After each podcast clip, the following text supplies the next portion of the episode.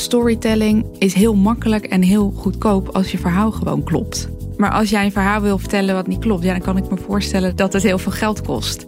Je hoort Hella de Weger, brand director bij ASR.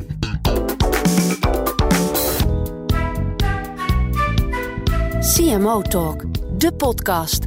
Marketing bekeken vanaf het hoogste niveau. Leuk dat je luistert naar een nieuwe aflevering van CMO Talk. Vandaag zit bij mij in de studio uh, Hella de Weger, Head of Brands en Positionering bij ASR. Hella is sinds 2017 de marketingbaas bij ASR. En daarvoor heeft zij ervaring gedaan binnen de categorie bij Ditso, uh, Energiek Health Care en Centraal Beheer, een grote concurrent. In deze aflevering gaan we het hebben over brandbuilding. Hoe groeien als relatief onbekend merk vanuit een lastige uitgangspositie? Na heel veel iteraties kwam ASR tot het welbekende concept.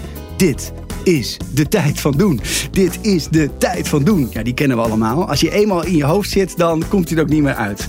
Afgelopen jaar, absoluut hoogtepunt natuurlijk na die campagne. Je nam de, de gouden Effie eh, in, eh, in eh, ontvangst. En ja, ik dacht van, ik ga jou gewoon uitnodigen, Hella. Want ik wil heel graag horen hoe je nou als marketeer het voor elkaar hebt gekregen. Hoe je in vijf jaar tijd ja, je merkbekendheid hebt verdubbeld. En ja, terwijl je ook nog minder budget had dan je concurrenten. Dus je hoort het allemaal in deze aflevering van CMO Talk. Hella, van harte welkom in de studio. Dankjewel Klaas, wat een mooie intro. Ja, toch? Ja. Jij bent natuurlijk een grote marketing professional, want je bent uh, een van de twee uh, gouden Effie-winnaars van, uh, van afgelopen jaar. Ik had vorige maand in de studio Caroline van Turenhout van, van Zeeman, ook een grote winnaar natuurlijk. Zeker. En ja, jullie hebben gewonnen met de bekende rappercampagne. Dit is de tijd van doen, van Stix.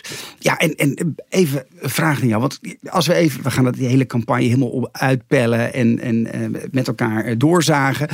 Maar helemaal vanaf het begin dat je begonnen, had niet iedereen direct een positieve associatie bij die campagne. Vertel.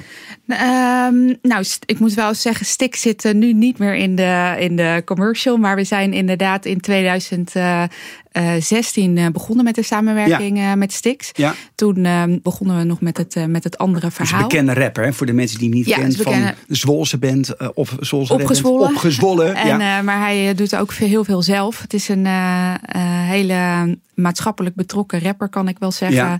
Ik was helemaal niet zo thuis in de rap scene, maar uh, inmiddels uh, ook nog steeds niet. Maar waardeer ik hem als persoon in ieder geval ontzettend. Nou, toen we begonnen in 2016, zijn we eigenlijk begonnen met een uh, soort interne moedfilm. En mm -hmm. die interne moedfilm die moest laten zien dat wij zagen wat mensen van een verzekeraar verwachten. En die film die werd zo goed gevonden dat we hem ook extern hebben uitgezonden. Die film is toen ontzettend opgevallen. Mm -hmm. En nou, uiteindelijk, toen ik in 2017 dan aankwam, hebben we gezegd: volgens mij, we moeten uh, in ieder geval dat opvallende van, van Stix meenemen, maar koppelen aan bewijsvoering van, van ASR. En dat hebben we een aantal jaren gedaan uiteindelijk, uh, eind 2018, uh, uit mijn hoofd, uh, was iedereen wel een beetje klaar met commercials die we als spin-off, zeg maar, uit, die, uit het andere verhaal van 2016 hadden gemaakt. Hmm. Dus toen wonnen we de, de Lode Leeuw. En wat was de reden dat jullie die Lode Leeuw wonnen? Want het is de, de, de, de prijs voor de meest irritante reclame. Was dat de jingle of was dat... Nou, wat mensen het meest irritant vonden, uh, volgens mij, was dat wij, wij lieten uh, Stix rappen. Ja. En hij werd bijgestaan door iemand die, het, die iets vond van het onderwerp waar hij het over had. Hmm. En, de, en die specifieke commercial die uh, heeft gewonnen of verloren, moet je dan denk ik zeggen, ik weet het niet. Uh, daar was een klein meisje, zat, stond met hem in de, in de studio.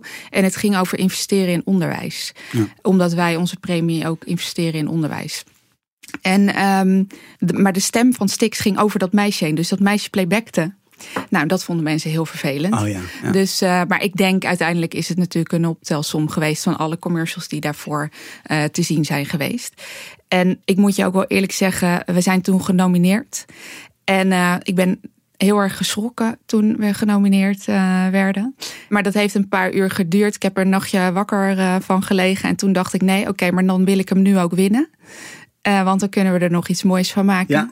Dat dus hebben heel we veel gestemd op jezelf? Nou, dat. En we hebben, we hebben stiekem nog uh, nou ja, het is niet stiekem, maar we hebben ook nog getarget op mensen die radar kijken. Oh, echt? Ja, om ervoor te zorgen dat we, dat we in ieder geval veel stemmen. Maar wacht even, dus, dus jij, jij, jij draaide eigenlijk dat negatieve feit, draaide je gewoon om naar iets positiefs. Nou, dat was in ieder geval de bedoeling. En ik denk niet, weet je, het is nooit leuk om die prijs te winnen. Gewoon echt. Uh, uh, niet. En aan de andere kant uh, was het voor ons ook weer een kans om te laten zien. Uh, Gratis we wel, aandacht. nou ja, ik denk maar... dat we het niet zo. We hebben het meer gezien als een, als een kans om ons van een positieve kant te laten zien. En dat ja. is uiteindelijk ook gelukt. De Adformatie ja. schreef nog uh, dat onze reactie in ieder geval goud was. Dus, uh, ah, en daarna waren we extra gemotiveerd om een gouden Effie te wat, winnen. Wat doet het dan intern? Ja, ik wil niet te veel oude koeien uit de sloop, maar toch even uit interesse.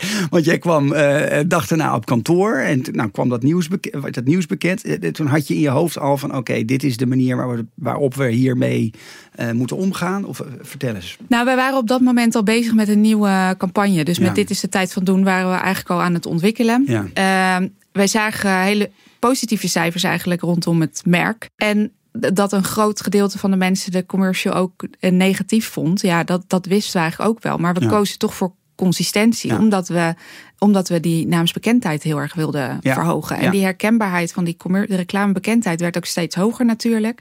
Dat zorgde uiteindelijk voor een uh, hogere naamsbekendheid. En die hadden we echt nodig om mm. daarna ons imago uh, verder te gaan bouwen. Dus het was ook wel echt een keuze om daarmee door te gaan. Ja.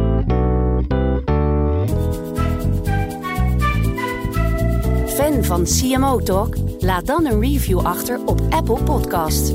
Wij zijn benieuwd naar jouw mening en je helpt anderen om deze podcast ook te vinden. Misschien nog even een stapje terug voor de luisteraars. Want 2016, jij werkt nu zeven jaar bij, bij ASR. Dus dat was ja. wel iets eerder daarvoor. Want je zat eerst ook nog bij, bij dit zo. Ja, 2016 ja. heb ik niet gedaan. Nee, nee en, en, maar waar kom je vandaan en, en waar wilde je heen met het merk?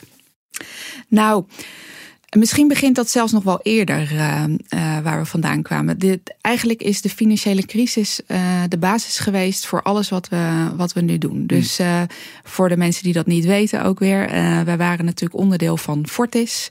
Fortis is toen gevallen, onderverdeeld onder andere allerlei banken. ASR werd um, afgesplitst en werd van de staat. Overigens hebben we nooit staatssteun echt daarvoor mm -hmm. gehad.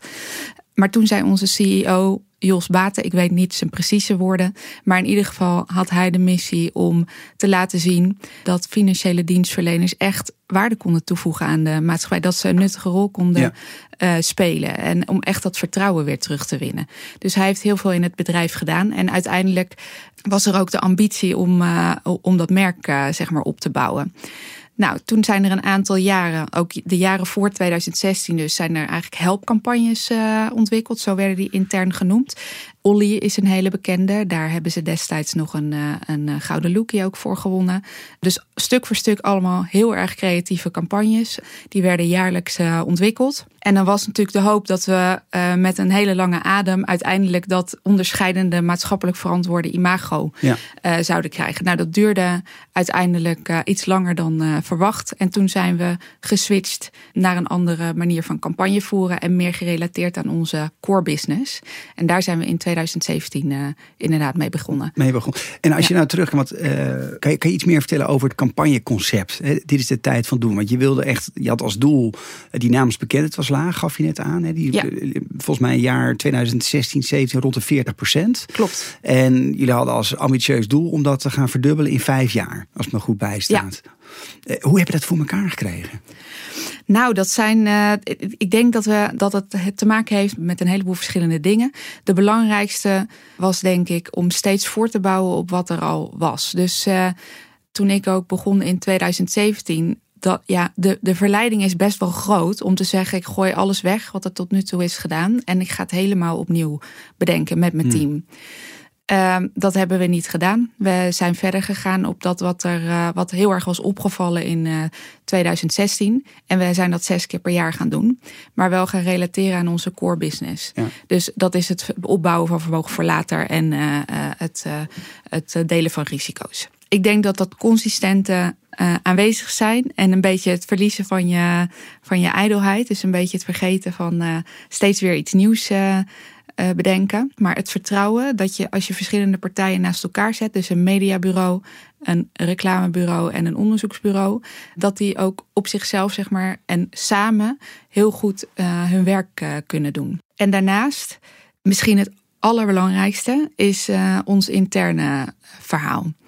Dus als merk is het natuurlijk best makkelijk om een campagne te maken, een verhaal te vertellen en uh, boven in je torentje iets, uh, ja. iets leuks te verzinnen en dat dan uit te, te zenden. Uh, maar daarmee heb je nog niet al je medewerkers en aan collega's aan boord. Dus wat we, uh, wat we hebben gedaan is voornamelijk ook die betrokkenheid uh, verhogen. Dat doen we op een hele makkelijke manier. Dus mm -hmm. misschien best plat, maar uh, die werkt ook heel goed. Dus door um, af en toe mensen, um, gewoon collega's te vragen of ze mee willen spelen in een commercial. Daarvoor maar doen niet we soms iedereen heeft casting. dat Ja, precies. Daar doe je wel casting voor. Niet iedereen heeft het acteertalent natuurlijk. Nee, nou dan vragen we van uh, wie vindt het leuk. En dan wordt er een foto uh, opgestuurd en een filmpje. En dan kijken we nou wat, wat zou passen en wat uh, niet. En dat is, we, we, waarschuwen altijd wel dat je het ook niet kunt worden. Ja, precies. maar ja. Uh, nee, maar de meeste mensen vinden dat gewoon hartstikke leuk. Maar het belangrijkere nog is dat je dus een concept verzint, denk ik. Dat is in ieder geval bij ons heel succesvol ge geworden. Waarmee eigenlijk iedereen een campagne kan maken. Hmm. Of een idee voor een campagne kan maken.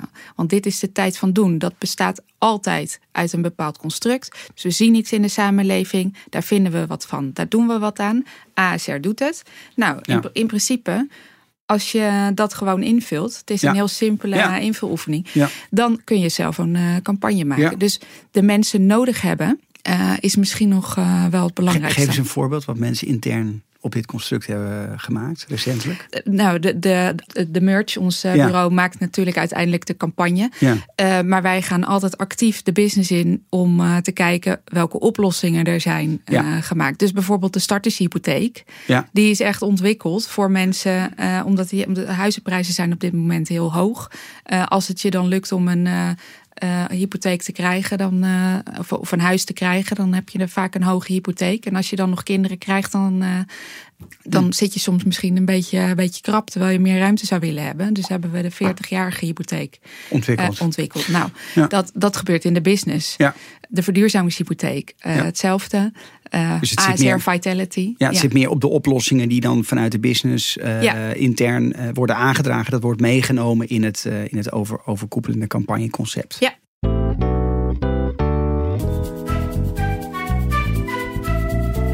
CMO Talk. Iedere maand verrassende en inspirerende gesprekken. Geleid door Klaas Wijma. Hey, ik wil jou graag een eerste stelling voorleggen, want dat doen we altijd in eh, CMO Talk. Eh, storytelling is voor merken heel belangrijk om eh, merkvoorkeur op te bouwen. Echt in de praktijk vraagt dit heel veel budget, terwijl nou ja, dit niet altijd direct terugkomt in de resultaten. Dat brengt mij tot de allereerste stelling. Brandbuilding is alleen weggelegd voor de grote bedrijven met de grote budgetten. Ja, ik vraag me wel af of je het er zelf mee eens bent. Nee, ik denk dat het. eh, eh, ik ben het er niet mee eens. Het is ehm, eh, misschien zelfs een beetje makkelijk om dat te denken. Het is waarschijnlijk. Ik zie het eigenlijk als volgt. Storytelling is heel makkelijk en heel goedkoop als je verhaal gewoon klopt. Maar als jij een verhaal wil vertellen wat niet klopt, ja, dan kan ik me voorstellen dat het, eh, dat het heel veel geld kost. Om een voorbeeld te geven, het zijn een beetje de usual suspects, maar als je kijkt naar dat schoenenmerk Toms, eh, dat verhaal is goed. Maar zij komen niet continu op tv met allerlei hele dure campagnes. En ik denk dat we dat bij eh, ASR ook proberen. We hebben in ieder geval dat campagneconstruct. Dat is niet alleen iets wat we gebruiken om campagnes te maken, maar eigenlijk om te praten met de, met de business. Ja. En om sturing te geven aan het, eh, aan het hele bedrijf. En dat zorgt ervoor dat je een goed verhaal hebt.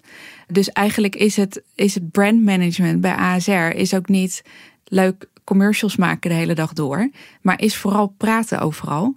En eh, dat merk met z'n allen proberen te doorleven. En ook producten te ontwikkelen die het verhaal eigenlijk vertellen. Ja. Dus het storytelling is niet, is niet iets van het merk. Het, nee, is, het is ook laten zien wat het dan iedereen. is. Precies. Ja. ja. Hey, en, en, jullie, doen, ja, jullie zijn daar toch al succesvol in, want jullie hebben gewoon veel minder budget dan hè, de, de, grotere usual suspects in de, in, in, in de markt. Hoe hebben ze dat nou voor elkaar gekregen? Zo'n zo stap in, in resultaten met minder budget? Nou ja, ten eerste hebben we gekozen voor, uh, uh, voor focus. Mm -hmm. uh, dus, dus we, gaan, we werken altijd volgens dat bepaalde construct. construct ja. En we produceren op best een goedkope manier. Dus we gebruiken veel stokmateriaal bijvoorbeeld. En we, uh, we maken soms zelfs uh, de commercials met een telefoon. Dus uh, bijvoorbeeld de Amersfoortse, toen de Amersfoortse werd omgelabeld vorig jaar in april.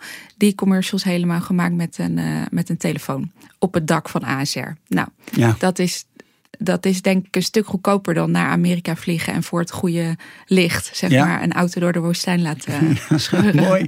Nou, en dat maakt ook wel jullie communicatie ook onderscheidend. He, nou, dus en ook uh, wel in deze tijd. Ik bedoel, in ja. deze tijd is het uh, ook uh, denk ik heel normaal om beeld achter elkaar te plakken. Want dat doet iedereen. Dus het is heel ja. herkenbaar ook Goeie tijd. voor mensen. Voor het maken van communie, voor de productiemaatschappij waarschijnlijk. maar zijn er ook dingen, omdat je minder budget beschikbaar hebt. Ik weet niet of dat nu nog steeds zo is. Want vorig jaar was een recordjaar voor ASR. Dus bijna een miljard winst over 2021. Als we het dan over Jos, Jos Baat hebben, de CEO. Um, maar zijn er ook dingen die je, die je echt moet laten? Dat je denkt van ja, nee, we hebben gewoon minder mogelijkheden. Dus we doen dat echt nadrukkelijk niet. Nou, we focussen wel echt heel erg. Dus, mm. bij, dus we, we, hebben een heel duidelijk jaarplan. En we houden wel natuurlijk rekening met de actualiteit. Zoals die, uh, we hebben in 2020 als eerste die corona-commercial uh, op de markt uh, gebracht. Dus dat moet, dat moet je denk ik altijd wel hebben. Maar we maken ook wel echt keuzes uh, inderdaad in ja. dingen. Dus bijvoorbeeld branded content, dat doen we hier en daar wel. En dat proberen we op een slimme manier te doen en ook continu te meten wat daar het effect uh, van is. Maar bereik is voor ons op dit moment nog steeds belangrijker. Ja. Dus hoe mooi het ook allemaal is, dat gaat uh, voor. Geen CMO Talk aflevering missen? Abonneer je via cmotalk.nl op de nieuwsbrief of je favoriete podcast app. Hey, um, uh, Les Binet en Peter Field, nou, die introduceerden in 2019 een uh, nou, inmiddels bekende marketingtheorie rondom de 60-40 regel. Wat de optimale verdeelsleutel is van het reclamebudget tussen enerzijds brandbuilding, merkbouw, en anderzijds activatie. Dit brengt mij tot de tweede stelling voor jou. Activatie is vaak een ondergeschoven kindje in reclame. Ja, uh, lastige stelling wel. Ja, ik word namelijk best wel kapot uh, geact, uh, geactiveerd. ik weet niet of het aan mij ligt. Ik denk dat je hem bedoelt misschien in combinatie met, met brand. En die kan ik wel zien. Ik denk in sommige Precies. branches uh, wordt het uh, natuurlijk ontzettend goed uh, gedaan. Ik denk zeker in, in retail. maar het is niet altijd makkelijk, dat moet ik ook wel zeggen. Bij ons is het ook niet, bij, bij ASR is het ook niet altijd makkelijk om daar een, om een activatiecampagne te verzinnen bovenop je ja. merkcampagne. Nou, omdat dan het merendeel van het budget al opgaat aan eh, media-inkoop, het campagneconcept, de hele campagne optuigen. Dus, ja. dus die 60-40 regel, nou dat is de ideale regel. Maar wat wij wel zien is dat vaak in de praktijk toch wat meer budget nog uitgaat naar uh, ja, echt het stuk brandbuilding. Ja. En dan activatie. Oh ja, we moeten ook nog iets met activatie doen. Zie nou, je dat ja, ook? Het is, um, uh, nou, wij proberen altijd uh, activatie onderdeel te laten mm. zijn van, uh, van een campagne. Um, we hebben dat vorig jaar, denk ik, voor het eerst uh, heel succesvol uh, gedaan. Nogmaals, het is ingewikkeld als je via het intermediair met, uh, met name werkt. Ik weet niet of je de burn-out campagne, ik noem het altijd de burn-out de campagne. De burn-out campagne, maar hij heette Gezonde Twijfels. Mm -hmm. wij moedigden daarin eigenlijk mensen aan om te twijfelen over hun mentale gesteldheid, omdat je het, de preventie zeg maar, van een burn-out begint eigenlijk al aan twijfelen van gaat het eigenlijk wel goed met mij. En we hebben toen de uh, gezonde twijfeltest uh, geïntroduceerd en mensen uh, aangemoedigd om die te doen. Nou heeft dat met die campagne, wat eigenlijk een campagne was voor ons inkomensbedrijf, dus voor verzuimverzekeringen en arbeidsongeschiktheidsverzekeringen, dus dat zijn zakelijke verzekeringen, hebben we ontzettend veel uh, breed publiek ook, een groot breed publiek ook aangesproken. En dat heeft gezorgd voor een positieve uh, groei in onze merkcijfers. Uh, maar ook heeft het veel gedaan voor sales in het, of leads en sales in het inkomen. Dus wel een succes. Dus dit soort activaties die helpen ook, dragen ook echt bij om ja, het merk verder op te bouwen. Ja, het merk en, en business samen. En dat is ook wel wat we steeds proberen.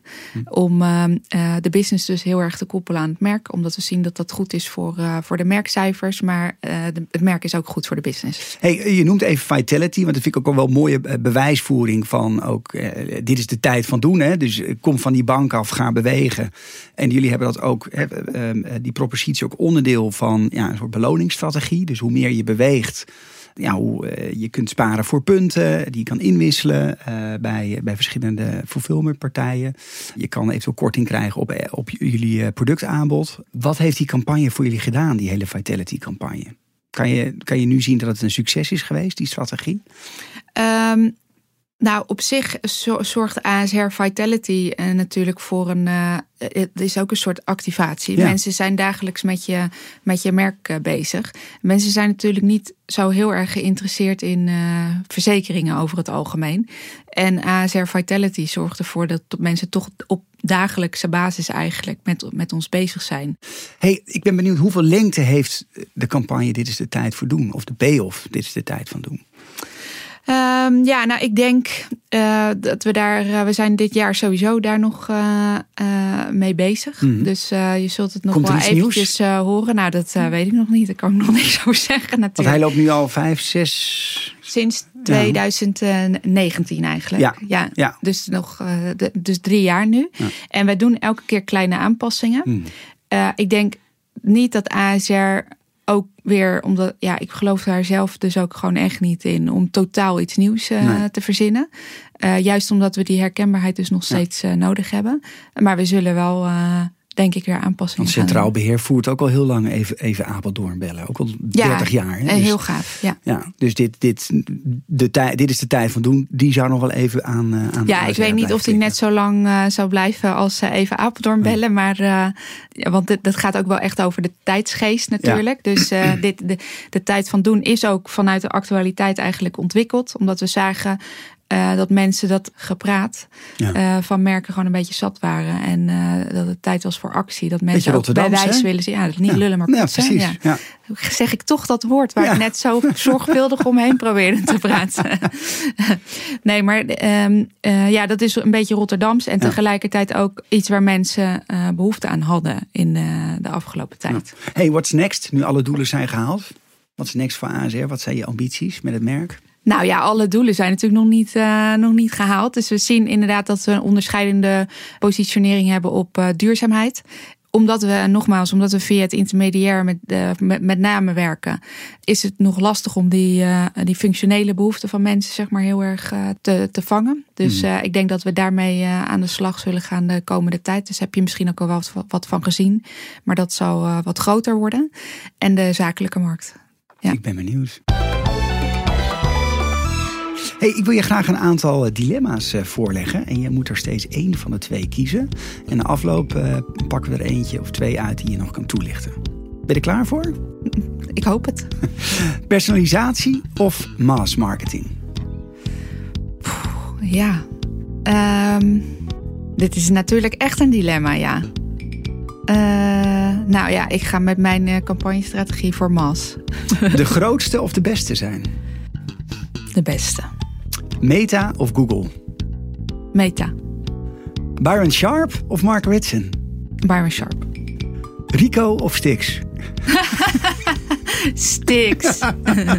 hey, welk dilemma zou je graag willen toelichten? Uh, nou, Rico of Stix denk ik dan maar. Die is de makkelijkste. Ja, ja, ja.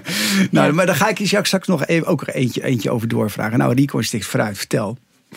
Nee, ja, ik, ken, ik ken Rico helemaal niet. Volgens mij is Rico ook een hele, lief, uh, hele lieve jongen. Maar, uh, nee, nee ja. uh, ik zou dan eentje, eentje willen vragen. Want er zat best wel twijfel op personalisatie of massamarketing.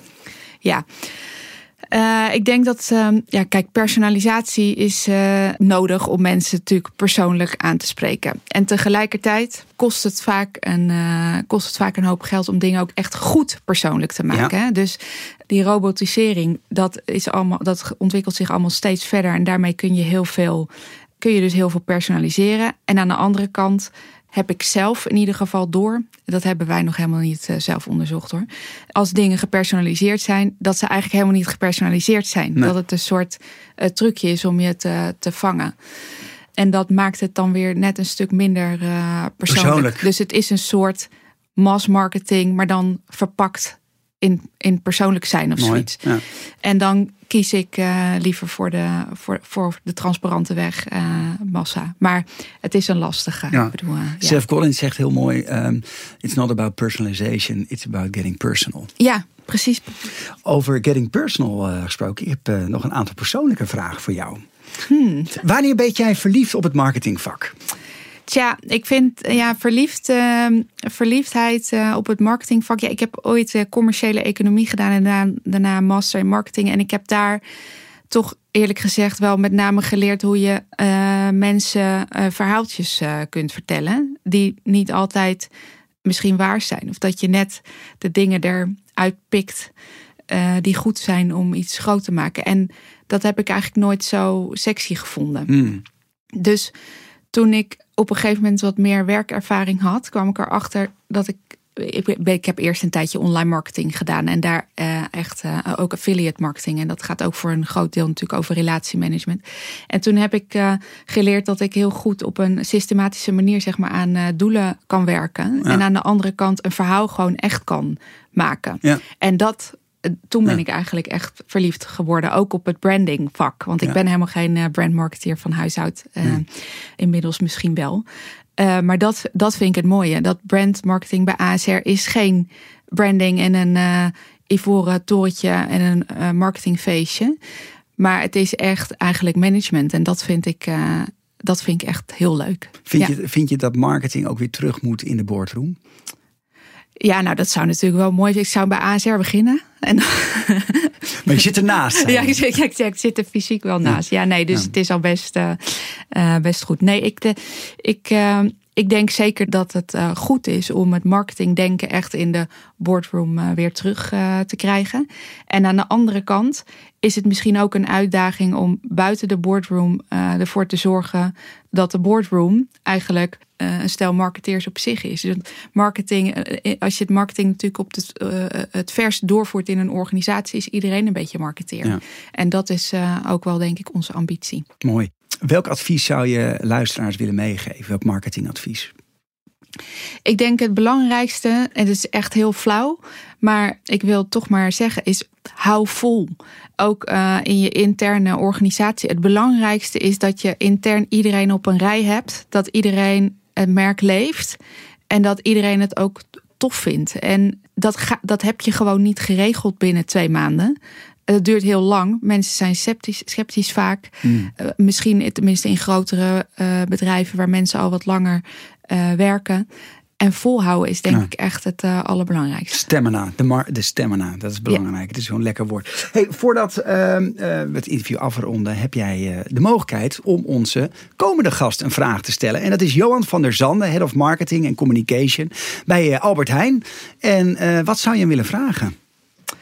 Ja, leuk. Nou, ik ben ontzettend uh, fan van uh, Albert Heijn. Uh, niet alleen van de campagnes nu en ook in het verleden. Maar ook van alle spaaracties. Dus ik spaar erop los en ik hamster ook ontzettend veel. En dan heb ik inderdaad wel een vraag die ik altijd heb willen stellen. En dat is, wij zijn natuurlijk als ASR ontzettend bezig met, met duurzaamheid, geen verspilling. En is dat nou bij Albert Heijn ook een uh, groot thema? Ook in relatie tot bijvoorbeeld de hamsterweken, ja. corona en, en die oorlog die er nu ja. speelt. Mooi. Ik ga hem uh, zeker stellen aan ja. uh, Johan. Ik, uh, ik, wil jou hartelijk bedanken, Hella. We zijn aan het einde gekomen van het interview. En luisteraars, dank voor het luisteren naar CMO Talk. ik ben in gesprek geweest met Hella de Wegen van ASR over brandbuilding. Nou, vond je nou deze aflevering leuk? laat dan een review achter op iTunes of jouw favoriete podcast app. Ja, en vergeet je natuurlijk niet te abonneren. we hebben geen duimpjes of zo, maar je kan je wel heel makkelijk abonneren. Zodat je ook geen enkele aflevering meer mist. In de volgende CMO Ga ik dus in gesprek met Johan van der Zanden, Head of Marketing en Communications bij uh, Ahold Delhaize. Uh, ik hoop dat je dan weer luistert. Tot dan! Leuk dat je luisterde naar CMO Talk. Ga voor meer gesprekken naar cmotalk.nl of je favoriete podcast-app. De CMO Talk podcast is ontwikkeld en geregisseerd door Energize. Audio mixing en mastering door Voicebooking. CMO Talk wordt mede mogelijk gemaakt door onze gewaardeerde partners Adobe, Facebook en Accenture Interactive.